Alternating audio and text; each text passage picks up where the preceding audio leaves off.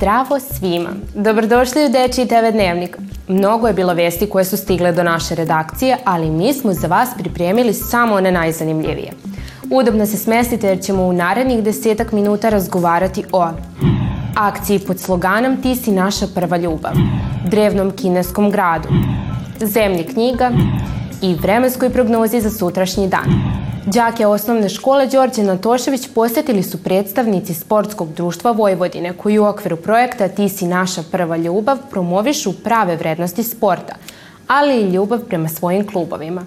Ova akcija za cilj ima da okupi svu decu iz osnovnih škola kako bi se i oni priključili i na taj način doprineli razvoju sporta. da se malo bolje Uz pozitivnu energiju i osmeh nastavljena je akcija Sportskog društva Vojvodina. Ti si naša prva ljubav.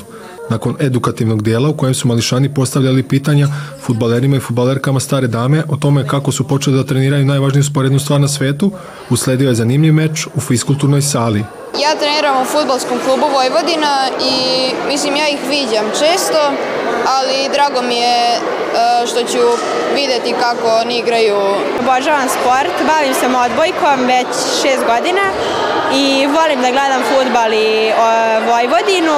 Đaci su imali priliku da se slikaju i druže sa članovima Novosadske stare dame. Mališani su dobili na poklon kalendare, rasporede časova, ali i karte za istočnu tribinu za subotnji duel Vojvodine i Crvene zvezde. Mislim da je jako važno zato što se deci budi svest o bavljenju sportom. Generalno, ovo je škola iz Novog Sada, a Vojvodina je jedan od najvećih klubova u Novom Sadu i smatram da treba da znaju uh, nešto više o klubu i da upoznaju nas igrače. Pre svega drago mi sam došao baš u ovu školu jer sam išao 8 godina u ovu školu. E, mislim da bi trebalo sve više i više da se ovo dešava u svim školama širom Srbije. Duel Vojvodine i Crvene zvezde u 16. kolu Superlige Srbije na programu je u subotu od 16 časova na stadionu Karadžorđe. Ostaci drevnog grada u Kini, koga nazivaju i kineska Atlantida, pronađeni su potpuno očuvani na dnu jezera Qingao na dubini od 40 metara. Ovaj grad na istoku Kine naziva se još i gradom lavova – Kineski naučnici su ga ponovo otkrili 2001. godine, a tačno pre pet godina je otvoren za posetu svim turistima. Oni pretpostavljaju da je grad izgrađen tokom prva dva veka nove ere u vreme dinastije Han. Gradske zidine su imale pet ulaznih kapija, a široke ulice sadrže 265 svodnih prolaza sa kamenim zidovima ukrašenim zmajevima, feniksima i lavovima – Grad je potopljen 1959. godine kada je kineska vlada odlučila u blizini da sagradi hidroelektranu, a njegovi ostaci su ostali skroz netaknuti. Naš kolega Vuk Zečević sve svoje slobodno vreme provodi u biblioteci. Kako se to kaže, ona mu je postala praktično druga kuća. On samo istražuje, čita i priprema liste knjiga koje želi da vam preporuči. Sada ćemo zajedno pogledati šta je pripremio za ovu nedelju.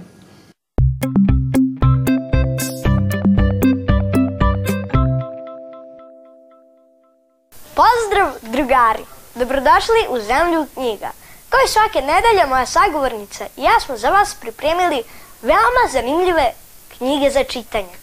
Jedva čekam da čujete o čemu se radi, zato neću da dužim.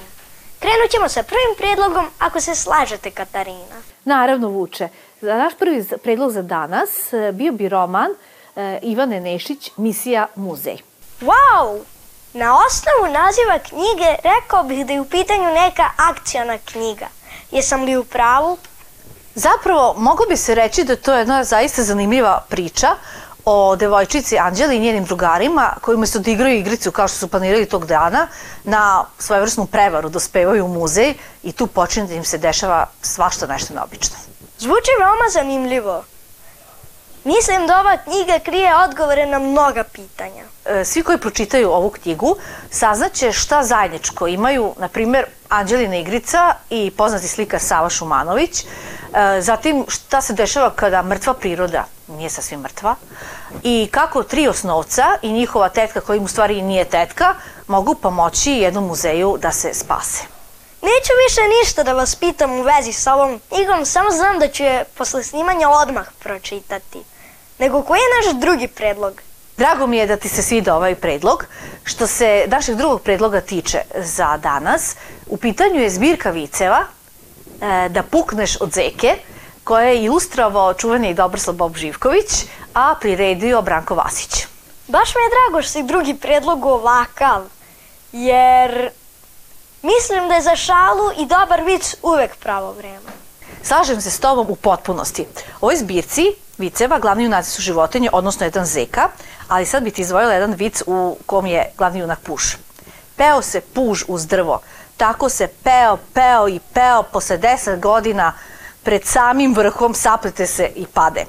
Ispravi se nekako, obrisa prašinu s kućice reče, što je brzo, to i kuso. Drugari, toliko od mene za ovaj put. A sada vas molim da zajedno sa svojim roditeljima pošaljete poruku na 1455 na 3030 za našeg drugara Bojana. Vidimo se uskoro sa novim predlozima za čitanje. Ćao! Naša nemeteorološkinja Tara Petrović je vredno radila ove nedelje. Vreme je važna stavka u životima svakog od nas, jer ipak moramo znati kako ćemo se obući, kako ćemo ići do škole i da li nam treba kišobran. Sledi detaljna vremenska prognoza.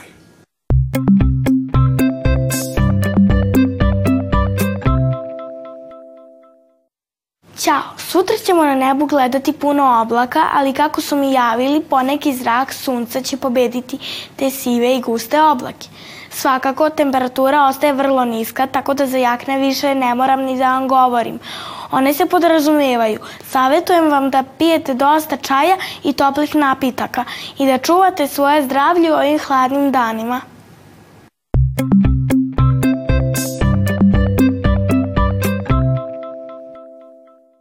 Hvala vam što smo baš mi bili vaš izbor večeras. Ukoliko propustite neku od naših emisija, ništa ne brinite. Sve emisije su dostupne i na našem zvaničnom YouTube kanalu RTV Dečiji program, tako da nas gledajte i tamo. Želim vam prijatan ostatak dana. Doviđenja.